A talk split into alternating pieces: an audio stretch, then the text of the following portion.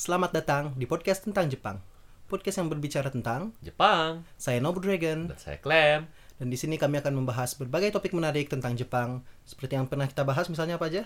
Cuaca, musim, NHK Hanzo Hattori. dan lain-lain. Lalu eh, sekedar disclaimer, kami di sini adalah mahasiswa yang kebetulan sedang ada di Jepang, bukan ahli tentang Japanologi atau apa pun itu. Jadi untuk informa setiap informasi yang kami berikan di sini silahkan di double check, dicek ulang di website kami yaitu Wikipedia.org dan juga google.co.id atau google.com. Ya, mari langsung saja kita mulai episode hari ini. Ayo cuy. Oh. Nggak siap orang ya mana. Aduh. Aduh. Ini ada bakal pasti nyebelin untuk orang yang pakai ini earphone. Kaget ya. ah, oke. Jadi, Hmm, by the way, Apa? bahagia nggak sih ngerekam intro kemarin? Jadi nggak Sejak perlu udah ya, beberapa minggu ini kita rekam tanpa pakai intro, en nikmatnya. ya, langsung. Langsung masuk ke topik utama. Ya, Jadi apa topik utama? Topik utamanya adalah samurai. Ih, kita terlalu banyak bertele-tele nggak sih? Ayo kita mulai coba usahakan langsung masuk topik utama dari awal. Yo, Jangan terlalu bertele-tele. Saya samurai. Samurai, iya. gila. Jadi samurai itu sudah udah mulai mau bertele-tele lagi. Oke. Jangan bertele-tele untuk episode kali ini. Oke, jadi orang pengen jadi mungkin kalian nggak tahu nama saya Nobu Dragon. Itu adalah tokoh sejarah di punin dikit ya. Cuma intinya eh, orang sangat suka dengan eh, sejarah Jepang, sangat sangat tertarik dengan sejarah Jepang. Dan bahkan tadi baru dat- dari museum Be. sejarah Jepang juga. Pamer. Kayak apa namanya? Humble brag. Eh, nggak ada braggingnya sih tapi ya anyway Humble. nggak maksudnya nggak nggak bisa di brag juga Oh, cuma ke iya, museum iya. doang terus. tapi kan orang sangat suka sejarah dan orang pengen banyak orang yang kayaknya kurang nggak segitu ngertinya ya tentang sejarah deh jadi punya miskonsepsi banyak miskonsepsi Iya. mau ninja kayak samurai Iya. kayak apa kayak jadi orang pengen di sini berbagi apa itu samurai dan lain-lain Yos. jadi silahkan maneh bertanya tentang samurai Oke, jadi apa sebetulnya samurai itu? Samurai itu suatu kelas kelas kasta, Kasta. jatuhnya di Jepang, tapi eh, itu adalah baru dimulai dari eh, zaman Edo. Dia Edo. menjadi kasta. Oh, jadi pas eh, maaf, zaman sebelum Edo tuh kayak Sengoku Jidai, Iya. terus eh, apa itu yang Taira itu, Iya, eh, Kamakura. Kamakura itu itu tuh belum ada yang namanya samurai itu. Eh, apakah udah dikasih nama istilah samurai atau belum? Oh. Nggak tahu, tapi eh udah ada. Oke, oke. Cuman eh, tadinya setauku sebelum zaman Edo itu masih ada mobilitas sosial di mana eh, samurai ini intinya warrior class. Eh, dan memang ada ada yang elitnya. Jadi kayak Taira yang tadi mana sebut eh, Taira atau Minamoto, dua yang paling terkenal itu kayak memang full on samurai.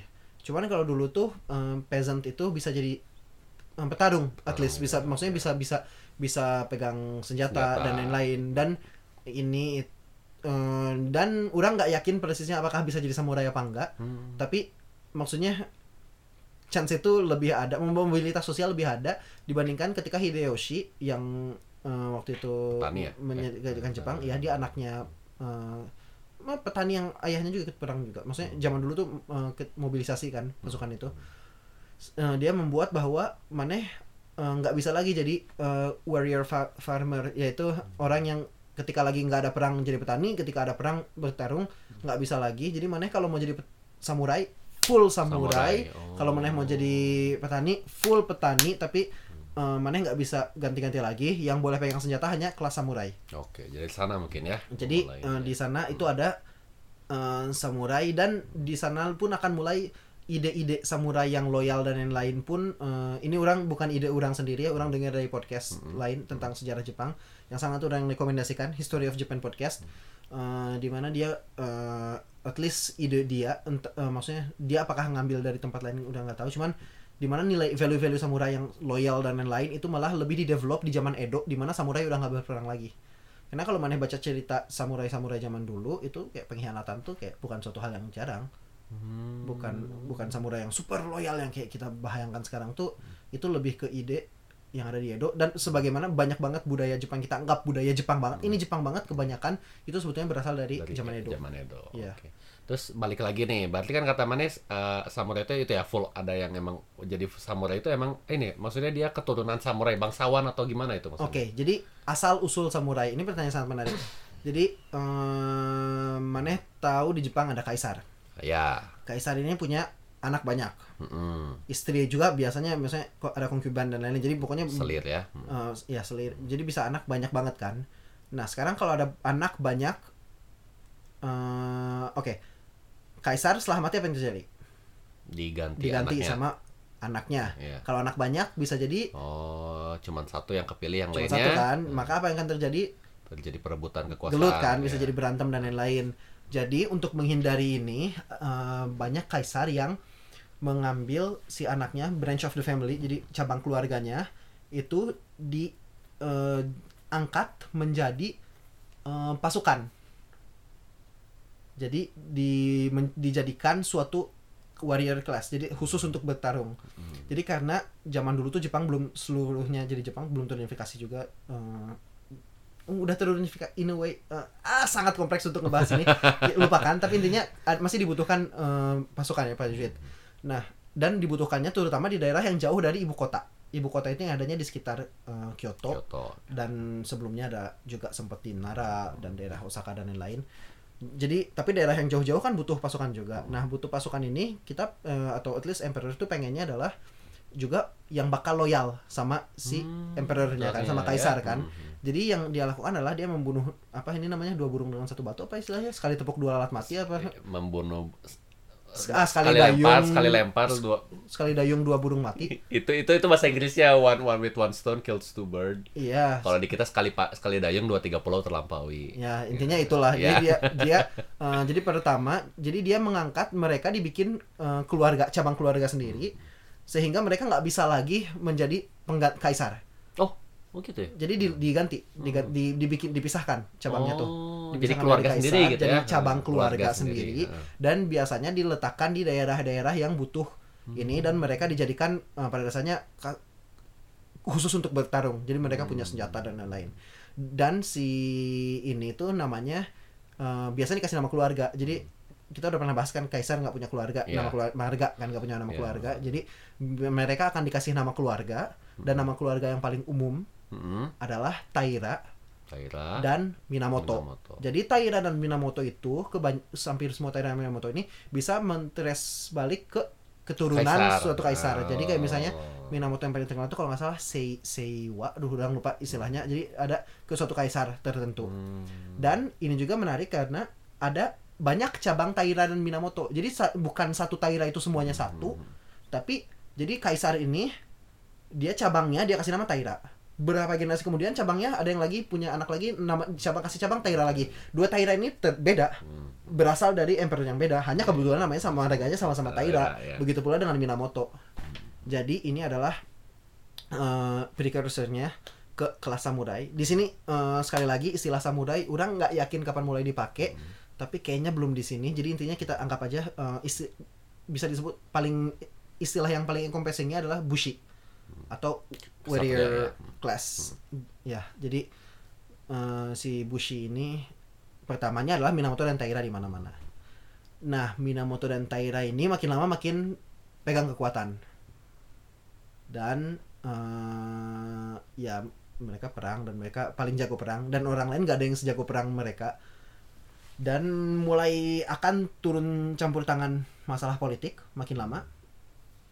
Eh, kita langsung klimaksnya aja. Klim- Salah satu klimaks pertamanya lah Taira ketika eh, ada per- perang dalam eh, Kyoto di mana eh, intinya ini jadi ini penting untuk diketahui bahwa uh, kita udah pernah nyebut kaisar eh, dulu di episode Reiwa atau apa yang kaisar ini eh, pada dasarnya jadi simbol karena dia terlalu sibuk harus ngerjain uca ritual ritual Ya. ritual ritual ritual ritual akhirnya nggak bisa ngapa-ngapain. Jadi kaisar yang pengen memegang kekuatan ini dia akan retire setelah 2-3 tahun menjalankan peran sebagai kaisar lalu retire dan baru be- benar pegang kekuatan. Dan ini juga jadi terjadi ketika beberapa retire sekaligus dan saling berantem sama-sama menjadi eh, kaisar ini em, ex kaisar apa pun istilahnya lupa. Jadi di sana dan mereka yang pegang power kan di sana mereka waktu itu berantem kan. Eh, dan di ke- dalam pertarungan ini mereka sempat beberapa kali saling bertarung dengan dan bukan cuma antara mereka juga dengan klan Fujiwara yang udah pernah sebut. Ya. salah satu klan besar eh zaman dulu. Dan klan Fujiwara ini ketika bukan kaisar yang berkuasa kadang Fujiwara berkuasa. Intinya politik yang bodoh ribet. Dan akhirnya sempat terjadi perang sipil di eh, Kyoto. Dan menanglah dua orang bernama Taira no Kiyomori eh, dan Minamoto no ah, Yoshitomo kalau nggak salah. Jadi ini ada Minamoto dan Taira yang kerja sama eh, u- utamanya klan Taira kalau saya yang jadi pemenangnya. Eh, dan dengan mereka ngeback suat seorang eh, Kaisar, kaisar ex-kaisar. ex kaisar gitu dan lain-lain. Lalu eh, terjadi pengkhianatan lagi dari Minamoto no Yoritomo, eh Yoshitomo ini ke Taira no Kiyomori sempat Taira no Kiyomori yang ngalahin lagi dan dia menjadi pada saatnya orang paling kuat di eh, Jepang karena kaisar pun nggak bisa bilang apa-apa ke lawan dia karena basically dia yang paling kuat dia yang punya pasukan Saking kuatnya ya. Iya, jadi kayak gitu. Nah, eh, ya Minamoto no Yoshitomo ini punya beberapa orang anak, banyak yang mati, lalu ada yang super terkenalnya lupa orang siapa namanya. Tapi intinya ada Yoshitsune. Yoritomo. Yoshitsune kan salah satu yang topnya ya dan super keren. Kayaknya kita episode tentang Yoshitsune asik juga. Hmm. Eh, jadi ada Yoritomo, anaknya. Yoritomo ini balas dendam, dibiarkan hidup dengan salahnya oleh Taira. Dia balas dendam. Yoritomo belajar dari pengalaman, dia tidak membiarkan satu orang pun Taira. Huh, Taira mati semua dan ini menarik kalau nggak salah ada kaisar kaisar muda dan ibunya yang eh, ibunya adalah anaknya Taira. Anaknya Taira no Kiyomori. Jadi Taira no Kiyomori menikahin ibu eh, anaknya dengan kaisar, lalu anaknya jadi kaisar kan. Jadi cucunya Kiyomori kan. Nah, mereka ini kalau nggak salah di Shimonoseki di antara Kyushu dan ini Hmm. mereka bunuh diri di sana kayak ada dan eh, jadi kayak ini kayak orang kayak tragis gitu kayak oh, Ih, karena politik-politik bodoh jadi ya akhirnya Taira pada dasarnya ah hampir seluruhnya dihancurkan Eh, t- t- seenggaknya terutama keluarganya Kiyomori lah. Taira kan banyak juga ya jadi nggak tahu mungkin ada Taira yang masih selamat yang lain-lain. Tapi yang Kiyomori setahu orang nggak Yoritomo itu tanpa ampun. Nah Yoritomo ini menyuruh kepada eh, kaisar untuk ngasih dia gelar shogun. Kaisar ya ngasih ya. Iya, kaisar. Karena gelar shogun ini hanya bisa dikasih oleh kaisar Seitai shogun eh, yang dikasih tepatnya yang dikasih ke Minamoto no Yoritomo. Eh, lalu kita pasti sering dengarkan shogun sebagai bos atau keshogunan kan apa ini shogun? Jadi shogun ini adalah isti- eh, gelar jenderal. Nah eh, kapan shogun ini mulai dipakai? Shogun ini mulai dipakai ini sebetulnya di eh, udah jauh sebelumnya. Eh, Kodai kayaknya ya eh, zaman Kodai alias zaman Nara Heian gitu di mana shogun ini ada banyak. Jadi jenderal. Jadi lalu ada banyak istilahnya. Jadi apa-apa shogun apa-apa shogun. Jadi misalnya ada seitai shogun. Ini seitai shogun adalah yang eh, bertugas ke daerah Tohoku tempat kita tinggal di sini. Jadi dulu di sini ada eh, suku Emishi dan eh, bertugas untuk mengalahkan Emishi. Itu namanya seitai shogun. Eh, lalu setelah itu ada lagi shogun lain yang orang nggak ingat namanya yang tugasnya adalah bertahan. Di mengamankan kota, Tagajo. Ya. di Tagajo Oh, sebetulnya Tagajo. itu tepatnya ya eh, daerahnya terus dia ada beberapa shogun. Nah lalu yang paling prestisnya tinggi itu katanya lah Seitai Shogun. Hmm. jadi Seitai Shogun ini adalah shogun seakan shogun tertinggi gitu ya tadi orang baru di museum dijelasin. Mhm. dan jadi si Minamoto no Yoritomo eh. Anjir Yoritomo sama Yoshitomo orang kebalik kayaknya. Wait bentar. Kasih orang waktu untuk mengecek. Kayaknya website Yoritomo sendiri. Ini website kita cuy. No Yoritomo, Yoritomo. adalah eh, Shogun. Founder for Shogun. Iya Yoritomo Iya, ini dari kan? bener kan ya? Betul, betul. ya. Jadi Minamoto Yoritomo ini eh bilang ke kaisar jadikan saya shogun. Dan shogun ini setahu orang adalah eh, tadinya ini adalah kalau ngomongin Roma orang lebih banyak yang ngerti lagi ya. Tapi ini adalah eh, jabatan di mana mana di appoint lalu setelah beres ya mana dilepas. Hmm. jadi kalau udah selesai ya udah nggak jadi shogun lagi. Nah tapi di sini Minamoto Yoritomo bilang kaisar jadikan aku shogun dia menjadi shogun. Eh, dan shogun pada dasarnya kan jenderal. Jadi dia adalah menjadi bosnya dari seluruh samurai in a way kayak kasarnya. Lalu eh ini disebut bakufu. Bakufu funya itu pemerintahan bakunya itu kalau nggak salah kayak tenda gitu. Jadi pemerintahan tenda karena prajurit itu dulu tidur di tenda atau apa. Jadi sejenis kayak gitu nama bakufu ini munculnya dari sana. Dan eh, sebetulnya secara sistem pemerintahan di atas kertas pemerintahannya masih di bawah di bawah kaisar ada aristokrasi dan lain-lain yang memimpin dan ada eh, gubernur di mana-mana. Tapi di semua provinsi juga ada selain di bawahnya gubernur atau setara dengan gubernur pemimpin samurainya gitu yang di masa depan akan menjadi daimyo. Eh, jadi ini semua pada dasarnya pemerintahan tuh de de jure atau di atas kertas. Kertas. ini adalah pemerintahan ini adalah dipegang oleh kaisar dipegang lain-lain tapi de facto yang menguasainya adalah keshogunan Benar. bahkan kalau kita mau bicara lebih fix lagi nanti yang menguasainya adalah klan Hojo yang dibaliknya lagi shogun. Jadi ada lagi lebih lebih kompleks lagi. Cuman intinya dari dari si- di sinilah mulai yang namanya eh, ada gelar shogun yang dan shogun ini eh, yang diturunin. Gelar- suatu gelar yang diturunin terus menerus jadi ya dari sini sih mulai. Ada shogun. Lalu terus keluarga ini kan Minamoto kan jadi shogun. Dan setelah itu apa yang terjadi? Setelah itu si keshogunan ini bakal terus berjalan sampai akhirnya eh, terjadi ada perang-perang gitu dengan ada kaisar yang nggak su- su- Suka suka dan lain-lain. ya. lalu ada orang lain yang membantu rebellion kaisarnya Eh, dan dia adalah Ashikaga Ashikaga no Takeuji gitu. Kalau nggak salah. Ashikaga mana Ashikaga? Nggak ada. Oh ini Ashikaga Takauji. Iya, ya. Takauji? Maji deh. Oke Ashikaga Takauji. Jadi dia membantu kaisar tadinya atau apa ya mengalahkan keshogunan lalu setelah dia menang dia bilang hei kaisar jadikan gue shogun baru Dan Jadilah- siklus penurunan. Iya, jadilah dia shogun selanjutnya. Eh, jadi eh, yang tadi itu adalah Kamakura ya. Keshogunan pertama ini Keshogunan Kamakura. Kamakura ya. Keshogunan Kamakura ini kenapa Kamakura? Karena base-nya si Yo, Yo- Yo- Yoritomo Yoritomo, ini adalah ya. di suatu kota bernama Kamakura. Jadi emang ada kota namanya Kama dia bikin kayaknya kota namanya Kamakura. Eh, letaknya itu di Kanagawa. Kalau sekarang Kanagawa Ken, eh, selatan dari Tokyo nggak terlalu jauh pakai kereta berapa ya sejaman gitu atau apa. Dan eh, rekomendasi salah satu spot yang orang rekomendasi sih untuk di jalan-jalan ke sana oke. Lalu jadi dia berkuasa di Kamakura. Eh, Ashikaga ini dia mereka berkuasanya dari daerah Kyoto lagi Eh, namanya Muromachi zaman Muromachi orang nggak yakin kenapa namanya Muromachi tapi ya Muromachi lalu ini adalah shogunannya sangat lemah Karena jadi paling sebentar ya. enggak bukan Enggak, masalah enggak. sebentar tapi bahkan enggak ini 1300 ya enggak enggak sebentar 300 tahunan Eh, jadi bukan masalah 200 something tahun sih. Bukan masalah sebentar enggaknya, tapi keshogunannya nggak punya power pada Hmm. dasarnya. Makin lama tuh powernya makin hilang dengan klan-klan semakin lama semakin kuat. Di sinilah yang kan jadi prekursornya Sengoku Jidai. Hmm. Jadi kenapa Sengoku Jidai atau eh, Seng perang Goku ku- atau kuni negara lah. jadi warring states jadi eh, perang antar negara ini terjadi itu adalah karena jadi zaman dulu itu kalau kita bicara lebih kuno lagi shogun atau bahkan sebelum shogun ada eh, misalnya di zaman eh, Kyoto eh, Heian mm, jadi kan banyak daerah kan lalu misalnya maneh maneh nih eh, Clamp kamu sana berkuasa di daerah eh, Dewa no Kuni misalnya. Ya maneh pergi?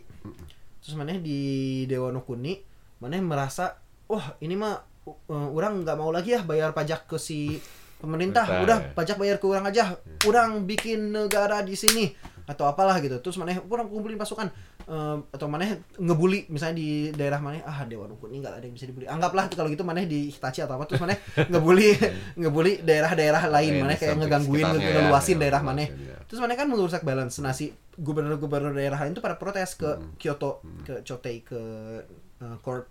Uh, mereka bilang, oh si si Clamp ngeganggu-ganggu kita nih, cenah.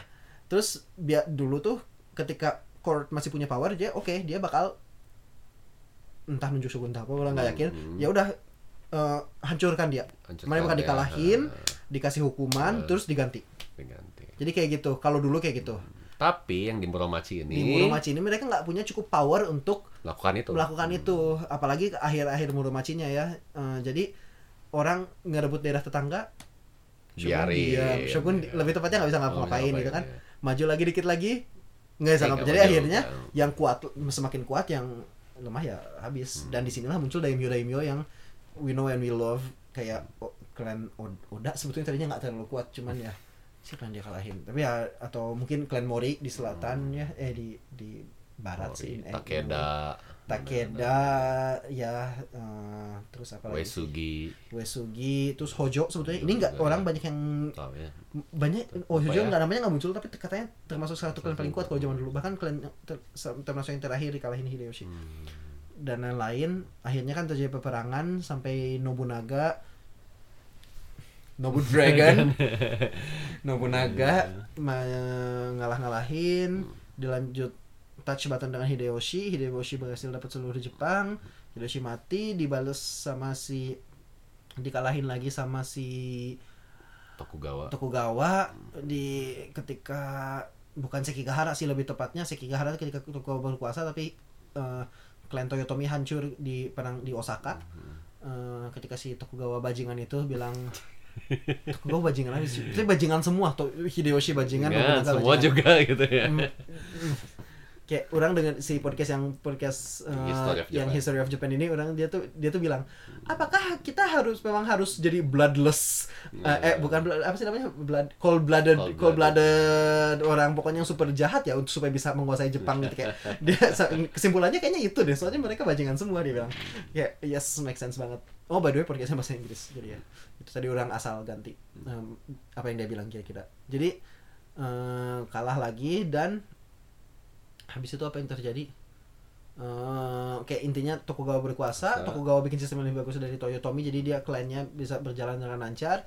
Tokugawa ini s- daerah-daerah Toko akhir-akhirnya hi- hidupnya Hideyoshi dia dikasih suatu daerah di Kanto yang dia kasih nama Edo. Dan jadi dari sanalah eh, muncul keshogunan Edo, Edo. karena dia berasal di kota Edo yang sekarang secara mo- modernnya disebut Tokyo. Gitu.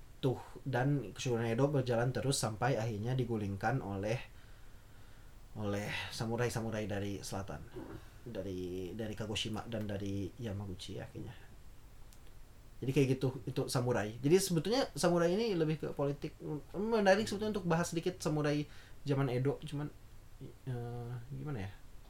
Episode berikutnya mungkin. ya atau mungkin podcast Oh, iya, pendek aja kali ya iya. karena nggak kayaknya nggak segitu banyak konten yang bisa orang bahas udah nggak segitu ngertinya juga Eh, tapi jadi ya gitu sih samurai ujung-ujungnya sebenarnya ya Nggak cuman berantem doang tapi ada politiknya. politik ya full of politik malah. Jadi kita eh, apa yang kita bahas? Jadi apa yang mungkin bisa jadi diambil? Ini samurai sebetulnya ya terakhir apa ya eh, nggak nggak iya bener. Kayak mereka perasaannya kelas yang menguasai. Jadi kayak kayak Kasta yang cukup tinggi lah ya. di itu di zaman zaman Edo sih. Di zaman Edo karena dibikin beneran meskipun sekarang lagi ada secara sejarah pun lagi dipertanyakan lagi. Apa yang dipertanyakan? jadi susah susah susahnya. Oh. jadi ini banyak orang yang mungkin menganggap sejarah ini set, set in stone ya. Oh. tapi sebetulnya sejarah ini terus berubah. Jadi karena sejarah ini kan kita lebih ada interpretasi dari dokumen yang kita punya di masa lalu karena udah lama banget. Dan eh, sering ada interpretasi yang salah dan ketika ketemu data baru berubah lagi dan berubah lagi. Jadi sejarah ini dinamis ya. dinamis bukan suatu hal yang statis yang nggak akan pernah berubah gitu. Ya jadi tapi ya anyways itu ujung-ujungnya malah jadi cerita sejarah Sejarah. Jepang sih tapi full di daerah zaman samurai yang kita omongin seenggaknya Betul. orang merasa kayak agak bilang mau samurai mungkin orang nggak bayangin bakal super keren gitu ya tapi sha sha sha Tapi ternyata malah banyak ini ya intrik politik. Iya. malah jadi kayak crash course Japanese history gitu lah. Oke. Oke, jadi s- sekian aja untuk kali Mhm. ini. Kita ketemu lagi di Eh podcast berikutnya. selanjutnya. Ya, kalau ada yang punya pertanyaan atau ada yang mau ngebenerin karena mungkin saya salah. Atau mungkin tadi ingin lebih fokus ke satu periode. Iya, atau ada ada ada yang pengen ya. ada ada ada pertanyaan atau ada yang kurang jelas atau ada pengen dengar lebih banyak tentang ini, Hmm. kasih aja komen, email atau apa pun itu ke kami dengan senang hati eh, akan dijadikan input. Lalu kalau ada yang salah juga tolong kasih tahu aja karena ya orang belajar, orang berusaha belajar sebisa sih cuman ya kayak jelas bukan ahli bukan belajar di sini juga bukan jurusan sejarah atau apa pun. Jadi kasih tahu aja kalau ada yang salah. Sekian sayonara. Sayonara